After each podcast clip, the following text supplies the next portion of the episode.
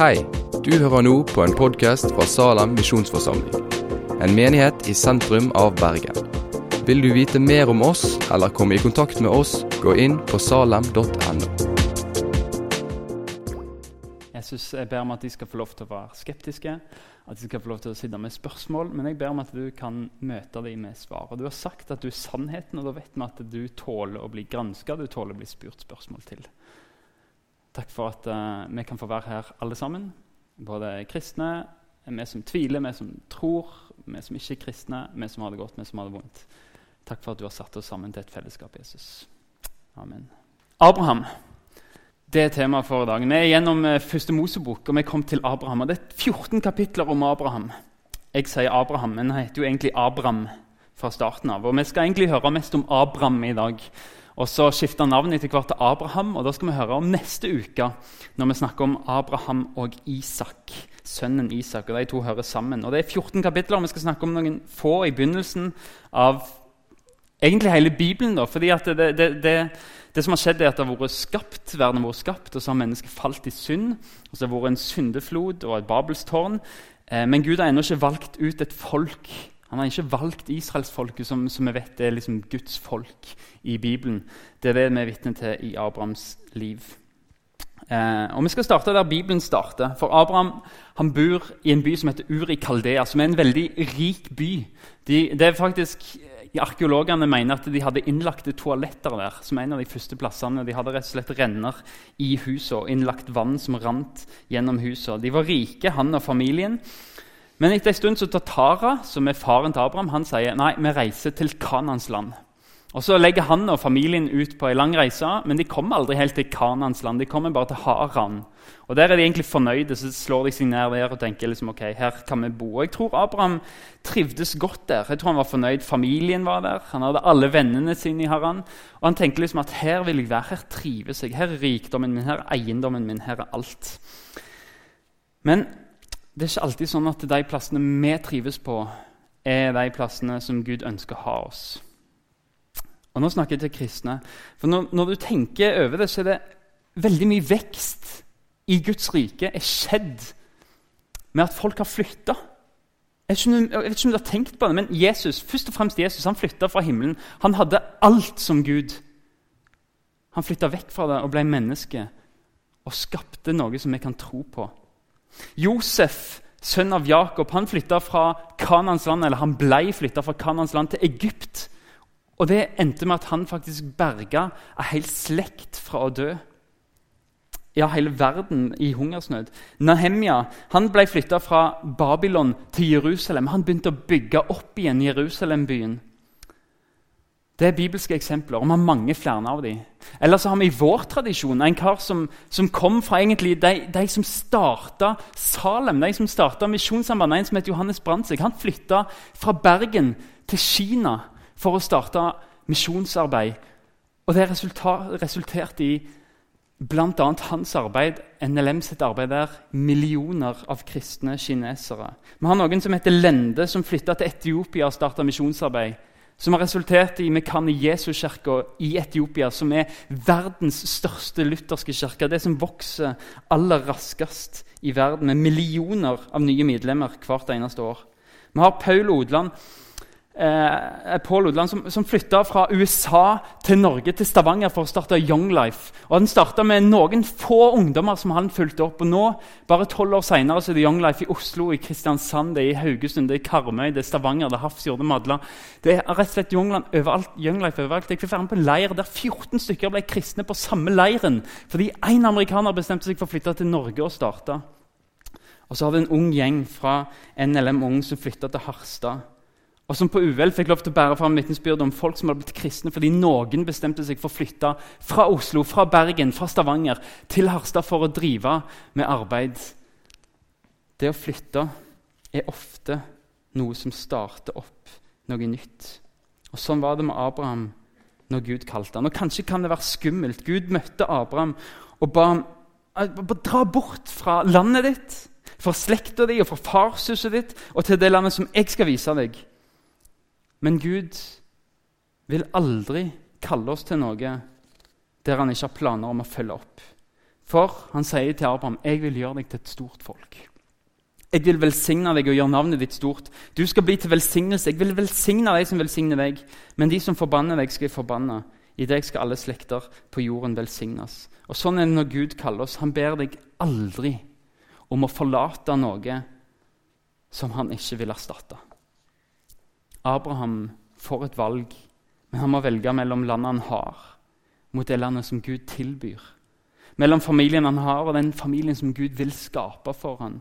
Han må velge mellom arven han har hos sin far, rikdommen, og den velsignelsen som Gud vil gi ham. Abraham stilles på valg, og det koster. Jesus sier noe om dette til sine disipler. Peter spurte Jesus. Da tok Peter til orde og sa til ham, Se, vi har forlatt alt og fulgt deg. Hva skal da vi få? Jesus sa til dem, Sannelig, jeg sier dere, i gjenfødelsen, når menneskesønnen sitter på sin herlighetstrone, da skal også dere som har fulgt meg, sitte på tolv troner og dømme Israels tolv stammer Og hver den som har forlatt hus eller brødre eller søstre eller far eller mor eller barn eller åker. Ikke for hva som helst grunn, men for mitt navns skyld. For at jeg, mitt navn skal bli kjent, for at mennesker skal bli frelst. Han skal få hundrefold igjen og arve evig liv. Gud kaller Abraham til noe ganske stort. Noe som koster veldig mye. Og Gud har gjort det gjennom hele kirkehistorien. Og Gud gjør det ennå. Abraham eh, hadde ikke peiling hva Gud kalte han til. Han, han visste ikke hva land han skulle ut engang. Gud bare sa 'gå'. Han visste ikke han skulle ut til Kanans land, men, eh, men, han bare gikk i tro. Og faktisk så, så, var det sånn at Abraham var ikke engang, han trodde ikke engang på Bibelens Gud. Gud bare kom og viste seg. så Altså, vi har bedre utgangspunkt enn han for å bli leder. For vi, vi er et folk som, som, ber, som leser Bibelen. Vi, vi, har møter med Gud.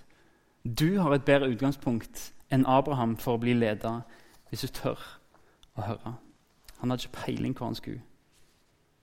Men Gud ville erstatte absolutt alt han reiste vekk ifra. Vi skal litt videre til å snakke om Abraham. og, det er ord er det noen som har hørt ordet pakt før? Pakt. Det, ja, det er en god del. Eh, og det, det er egentlig eh, brukt om en sånn høytidelig og bindende avtale. Eh, og Ordet brukes i dag kanskje for å understreke liksom, en avtales viktighet og høytidelighet, sånn som f.eks. FN-pakten eller Atlanterhavspakten. Men vi kan si at det er en, det er en sånn bindende kontrakt. Da. En veldig høytidelig, ikke en hva som helst avtale. Men når vi snakker om Abraham, så kommer vi ikke unna ordet pakt. For Gud har riktignok laget en pakt tidligere. Den lagde han med Noah. Eh, som vi hørte om sist gang. Eh, du kan høre på podkast hvis du ikke var her. Men nå igjen så kommer Gud på banen igjen med en pakt når vi leser om Abraham. Eh, den første Gud gjør når han møter Abraham, det er å gi ham et løfte. Eh, og, det leste vi i sted, at, at hvis du altså, følger meg, så vil jeg velsigne deg. Jeg vil gi deg et land, og jeg vil gi deg ett. Men så senere så møter Gud Abraham på ny med det samme løftet. når vi leser fra 1. Mosebok 13. Løft blikket og se deg omkring, fra det landet der du står, mot nord og sør, mot øst og vest. For hele det landet du ser, vil jeg gi deg og din ett for alltid. Jeg lar din ett bli som støvet på jorden. Kan noen telle støvet på jorden, skal også din ett kunne telles. Stå opp og dra omkring i landet på langs og på tvers, for det er det jeg vil gi til deg. Vel, Dette er fortsatt ingen pakt, men et løfte som Gud gir. Det er, en, det er ikke en bindende avtale, men han, han, lover. Og Abraham velger å tro. Han, han, velger å tro løftene Gud gir. Det vil si at han, han lever som om det skal gå i oppfyllelse. Han lever som om ja, selvfølgelig skal Gud gjøre dette. Det er det troen gjør med livet vårt. Vi lever som om Guds ord er sant. Som om det er godt for oss. Som om dette vet hvordan det er godt å leve. Derfor forholder vi oss til Guds ord som sannheter. Ikke som et bånd som binder meg fast med regler og bud som jeg må følge, men gode forskrifter for, for hvordan det er godt å leve. Regler som gjør at jeg blir satt fri til å leve godt med meg sjøl og med andre mennesker. Mange ser på Guds ord som sånn håndjern som binder oss fast, men, men, sannheten er at de er gode for oss, de er gode for menneskene rundt oss. De er gode å leve etter. Så Når Bibelen prøver å formidle noe til oss om hvordan vi skal leve, så er det aller først og aller fremst Guds gode veiledning til oss. Abraham lever sånn. Det Gud lover, ja, jeg tror på det. Jeg går i det. Jeg, jeg, jeg oppfører meg som om det skal gå i oppfyllelse. Jeg tror det er sant. En stund senere kommer Gud til Abraham igjen. og Da kan vi se at Abraham ok, nå begynner han kanskje å reflektere litt om disse løftene. Han har tenkt litt på det og spør litt om du, hvordan er det egentlig Og Vi leser fra 1. Mosebok 15. og Her er det når, når, Gud inngår en pakt med Abraham. Og Jeg skal prøve å forklare litt etter hvert når det begynner å bli litt uforståelig for oss i 2018. Etter at dette hadde hendt, altså en, en krig, eh, kom Herrens ord til Abraham i et syn. Vær ikke redd, Abraham, jeg er ditt skjold. Lønnen din skal bli stor. Men Abraham svarte, Herre min Gud, hva vil du gi meg? Jeg går jo barnløs bort, og Elieser fra Damaskus er arving til mitt hus. Og Abraham sa, Du har ikke gitt meg etterkommere. Se, en av husfolkene mine skal arve meg. Da kom Herrens ord til ham. Han skal ikke arve deg. Men en av ditt eget kjøtt og blod skal arve deg. Så førte han Abraham ut og sa til ham, Se opp mot himmelen og tell stjernene, om du kan telle dem. Og han sa, så tallrik skal ætten din bli. Abraham trodde Herren, og det ble regnet ham til rettferdighet. Og han sa til ham, Jeg er Herren, som førte deg ut fra Ur i Kaldea, for å gi deg dette landet i arv. Abraham sa, Herre min Gud, hvordan kan jeg vite at jeg skal få det i arv? Da svarte han, hent meg en treårs kvige, en treårs geit, en treårs vær, en turteldue og en dueunge. Her faller vi kanskje litt på utsida av fortellingen, fordi vi lever i 2018. Vi lever i Norge, ikke, ikke Kanans land. Vi forstår ikke helt hva som skjer. Men, men la meg fortelle litt med, med, kommentarer som gjør at vi kan hente oss litt inn. For Abraham spør Gud Gud, hvordan kan jeg vite at dette er sant. Hvordan kan jeg vite at dette kommer til å skje? Og hvordan svarer Gud? Jo, kom an da, bare, bare stol på meg. Kom, kom igjen, da. hæ? Bare ti kniver i hjertet, ti fingre i nesen osv. Jeg lover. Nei, Gud svarer med å inngå en pakt. Han ber Abraham å hente en, en treårs en treårs geit, en treårs vær, en turteldue og en duunge. Og her er nøkkelen. Dette er dyr som var kjent som offerdyr i syndeofferet, der Abraham levde. Når noen synda, altså når noen gjorde noe galt mot Gud, når bedrog, løy, drepte, stjal og alle andre misgjerninger, alle andre syndegjerninger, så måtte de ofre et dyr som dette for å betale for sin synd. Og Dermed så kosta det de noe når de synda. De måtte enten kjøpe et dyr å ofre, eller de måtte ofre et av sine egne dyr. Det kosta de noe, akkurat som om det var i bot som måtte betales. Og Det var vanlig på Abrahams tid at når pakter ble inngått, når avtaler ble inngått mellom høvdinger, mellom stammer, mellom nasjoner, så gjorde de det på denne måten. De tok disse dyra, de slakta de, de delte de to og la de utover en plass. Og så gikk de to partene som skulle gå inn en avtale, de gikk mellom de dyra der. Og På den måten så lovde de hverandre at den som bryter pakten mellom oss, den som synder mot denne pakten, de skal bli slakta på samme måte som de dyra vi går her rundt. Den som går der, lover at hvis jeg bryter denne pakten, så skal du få lov til å slakte meg, dele meg i to og legge meg på marka, sånn at kråkene kommer og spiser meg. Dermed var pakten en avtale som de gjorde med hele sitt liv. Den pakta kunne kun brytes med døden til følge. Og vi leser videre. Abraham hentet alt dette til ham, skar dyrene i to og la delene rett overfor hverandre. Men fuglene skar han ikke i to. Råfugler slo seg ned på skrottene, men Abraham dro den tilbake. Da solen holdt på å gå ned, falt en dyp søvn over Abraham, og se redsel og stort mørke falt over ham. Og Gud sa til Abraham, dette skal du vite. Etten din skal bo som innflytter i et land som ikke er deres. De skal være slaver og bli plaget av folket der i 400 år. Men det folket de må slave for, vil jeg også dømme. Og deretter skal de dra ut med et stort bytte. Selv skal du gå til dine fedre i fred. Du skal bli begravet i høy alder.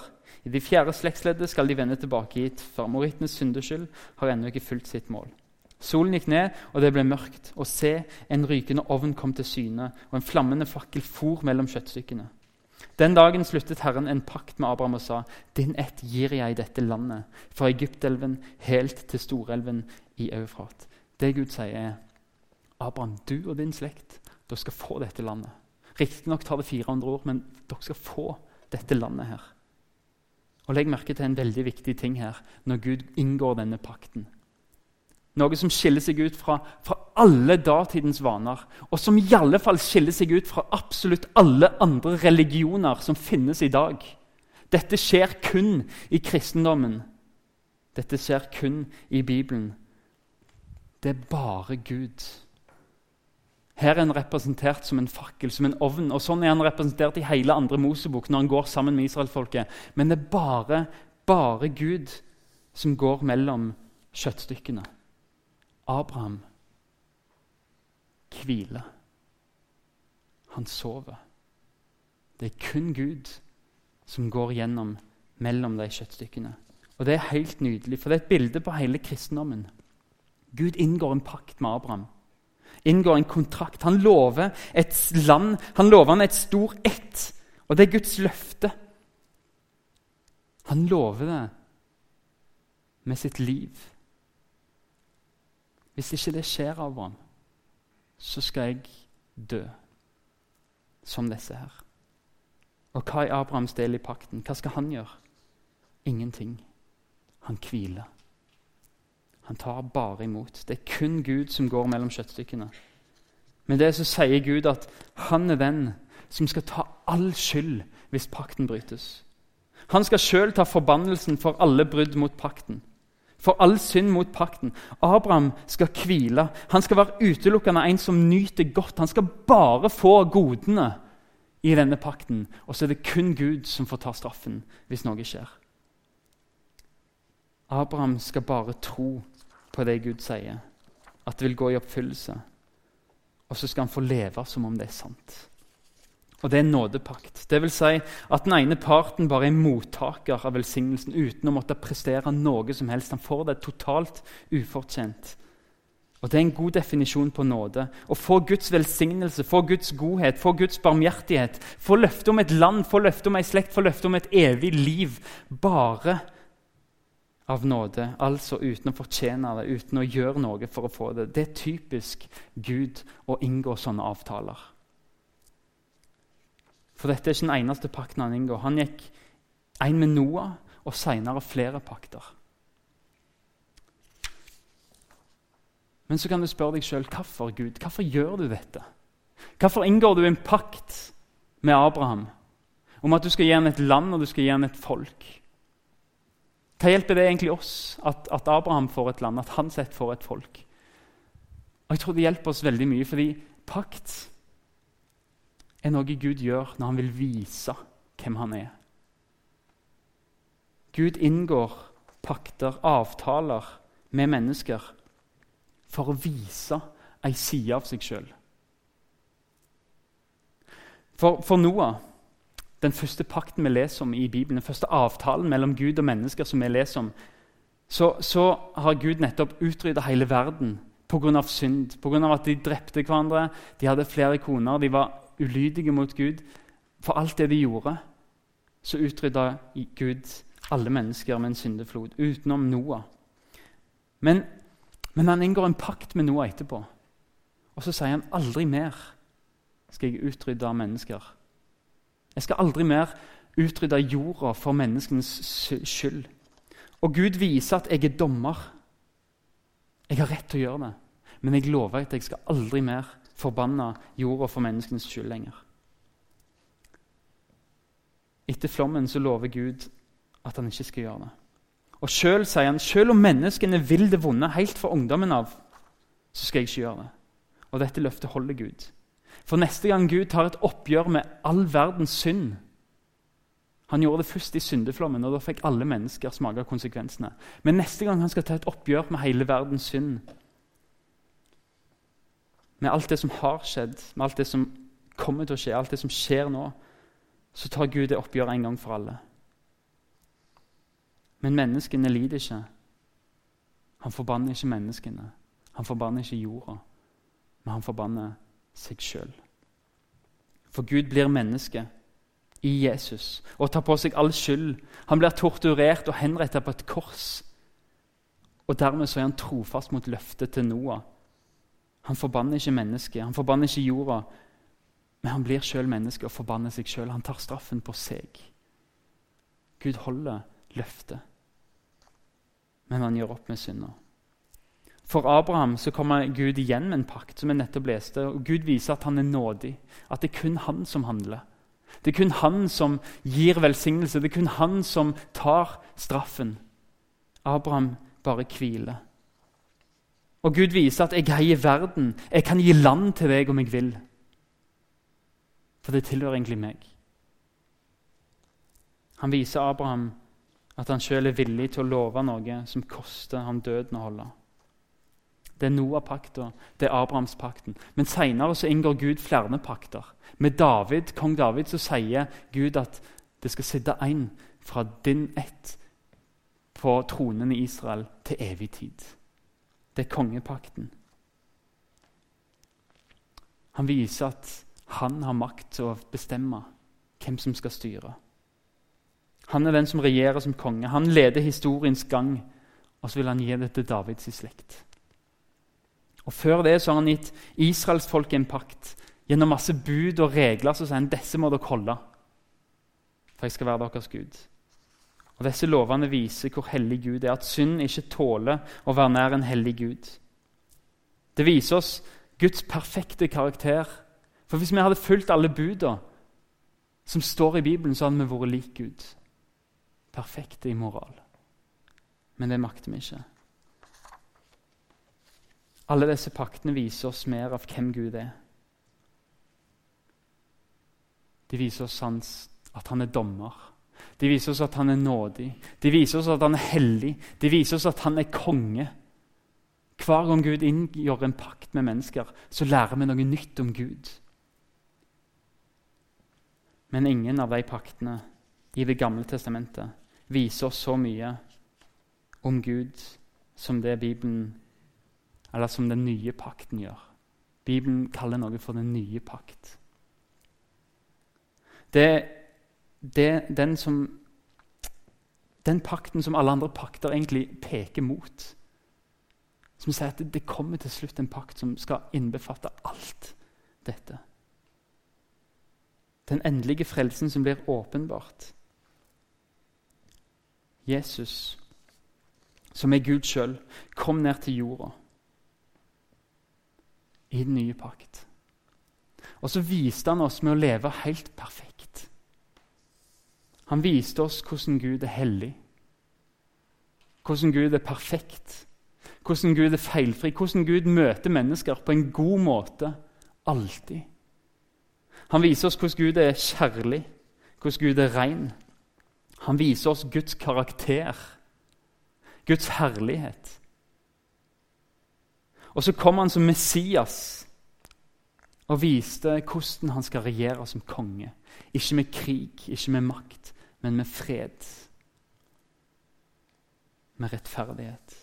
Og så kommer han som frelser og viser oss hvordan han er nådig. Hvordan han tar sin plass, hvordan han sjøl tar vår plass på korset. Hvordan han tar konsekvensene for våre synder.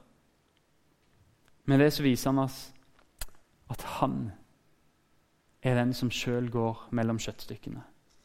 Han blir slakta, mens vi som Abraham får sitte og se på. Jesus viser oss Gud. Vi fikk se litt hos Noah, vi fikk se litt hos Abraham, vi får se litt hos David og litt når de får buda. Men Jesus viser oss alt.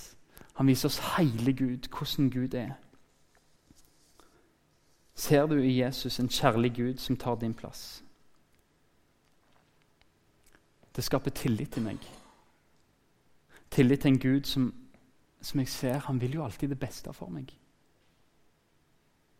Og Når jeg ser Jesus ta min plass, så tenker jeg han vil jeg følge.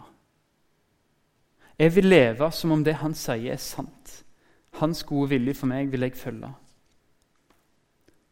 Og dermed når jeg ser Jesus og tror på han, og har tillit til han og kommer til han, så blir livet mitt forvandla. Ikke bare evig, at jeg blir tilgitt, at jeg blir rettferdig, at jeg, at jeg får evig liv, men, men livet blir forandra nå. For jeg ser en som jeg vil ligne på.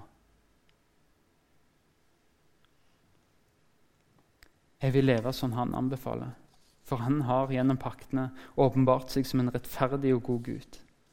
Og Derfor tror jeg at hans bud og regler er bra for meg. Paktene i Bibelen forteller oss noe om hvem Gud er. Han vil at du skal se hvem han er. Det er derfor de står i Bibelen. Han vil at du skal bli kjent med han. Og Derfor åpenbarer han litt og litt og litt. og litt. Til slutt så kjenner vi han, og så ser vi han i Jesus. Han vil at du skal se hvem han er. Han vil at du skal få tillit til han. Den siste pakten, Jesuspakten, konkluderer Guds åpenbaring av hvem han er. Jesus viser alt om Gud, hans rettferdighet i måten han lever på. Hans hellighet i måten du ser Gud knuse Jesus over synd på. Hans allmakt og skapermakt i hvordan Jesus oppstår fra de døde. Hans kjærlighet i at alt dette var for at du skal få mulighet til å bli frelst.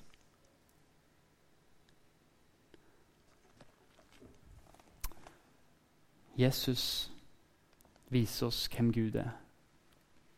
Vi kan se mange forskjellige bilder i Det gamle testamentet, og kanskje kan vi bli forvirra. Kanskje kan vi lure på hva i all verden er det som skjer her, Gud? Hvorfor er du så sint her? Hvorfor er du så vred? Hvorfor må folk dø fordi de er ulydige? Og så Andre ganger så ser vi en Gud som er nådig. Lovsangstimen skal få komme opp. Og Så skal vi synge en sang til slutt. Men, men jeg har lyst til å gi dere et bilde fra åpenbaringen. Der er det Johannes som ser inn i himmelen. Johannes apostelen Johannes, som, som gikk sammen med Jesus i tre år. Han ser inn i himmelen, og så får han se Jesus. Når han får høre at Jesus kommer, og han hører at nå kommer løva av Juda Kan du se for deg det? Nå kommer løva. Han som kan drepe, han som er farlig, han som kan slå i hjel det er Gud. Han som er hellig, han som ikke tåler synd. Johannes hører at nå kommer løver av Juda, og så sier Johannes, og jeg så Jeg så på Jesus. Han som ble annonsert som ei farlig løve. Og se, hva var det jeg så? Jeg så lammet. Lammet som så ut som om det var blitt slakta. Og så vet vi at det er Guds lam som bærer vekk all verdens synd. Jesus er ikke bare den gode, den snille.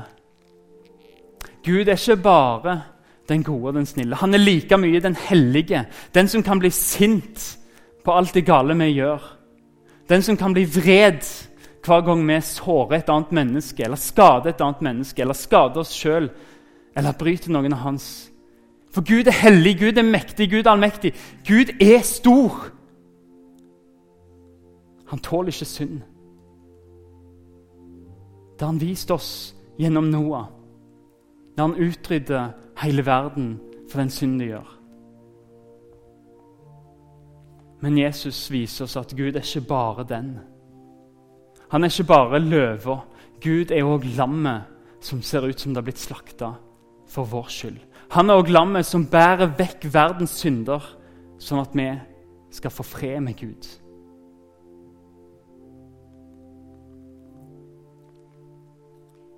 Abraham fikk se. Gud knuser to byer, Sodoma og Gomorra, for alt det gale som skjedde. Og Det de beskriver, er egentlig Norge i 2018. Gud slo de byene rett ned. Det han beskriver, det er egentlig deg og ditt hjerte og hvordan du vender deg vekk fra Gud. Men Abraham fikk også se en Gud som sa jeg tar på meg dette. Jeg vil gå gjennom kjøttstykkene. Jeg vil ta den forbannelsen. Du skal hvile. Og Jesus er den oppfyllelsen. Han er løva, han er òg lammet. Så vi reiser oss, og så bruker vi denne lovsangen her til å synge sannheter om hvem Jesus er. Og Vi har sunget den tidligere i dag, men, men vi synger den en gang til. Herre Far, vi anerkjenner at hvis du hadde vært bare ei løve, hvis du hadde vært bare en sint gud, så hadde vi blitt knust av din hellighet. Og Jesus, vi, vi takker deg så uendelig mye for at du er lammet òg. Du er ikke bare den guden som, som knuser Sodoma og Gomorra. Men du er òg den guden som sier du skal få sitte og hvile. Jeg skal gå gjennom kjøttstykkene. Jeg skal ta pakten. Hvis noe galt skjer, så skal jeg ta det på meg. Og så ser vi at du gjør det på Golgata. Takk for at du er sånn, Gud. At du er den store. Du er den hellige. Du er den rettferdige. Du er den som har skapt verden. Du er den som har all fasit på moral. Og du ser at ingen av oss er gode. Men du har barmhjertighet med oss. Og du sender oss Jesus. Og Sånn som Abraham ble regnet som rettferdig fordi han trodde Gud, så skal vi bli regnet som rettferdig fordi vi tror på Jesus. Vi vil tro deg. Vi vil følge deg. Tilgi oss, Jesus, og ta imot oss. Du er løva, og du er lammet. Vi vil bøye våre kne for deg og for deg alene, Gud.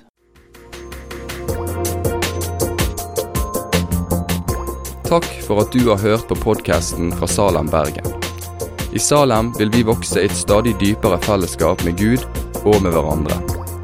Vi vil være Jesu hender og føtter, og vi vil være med og forkynne frelse for Bergen og resten av verden.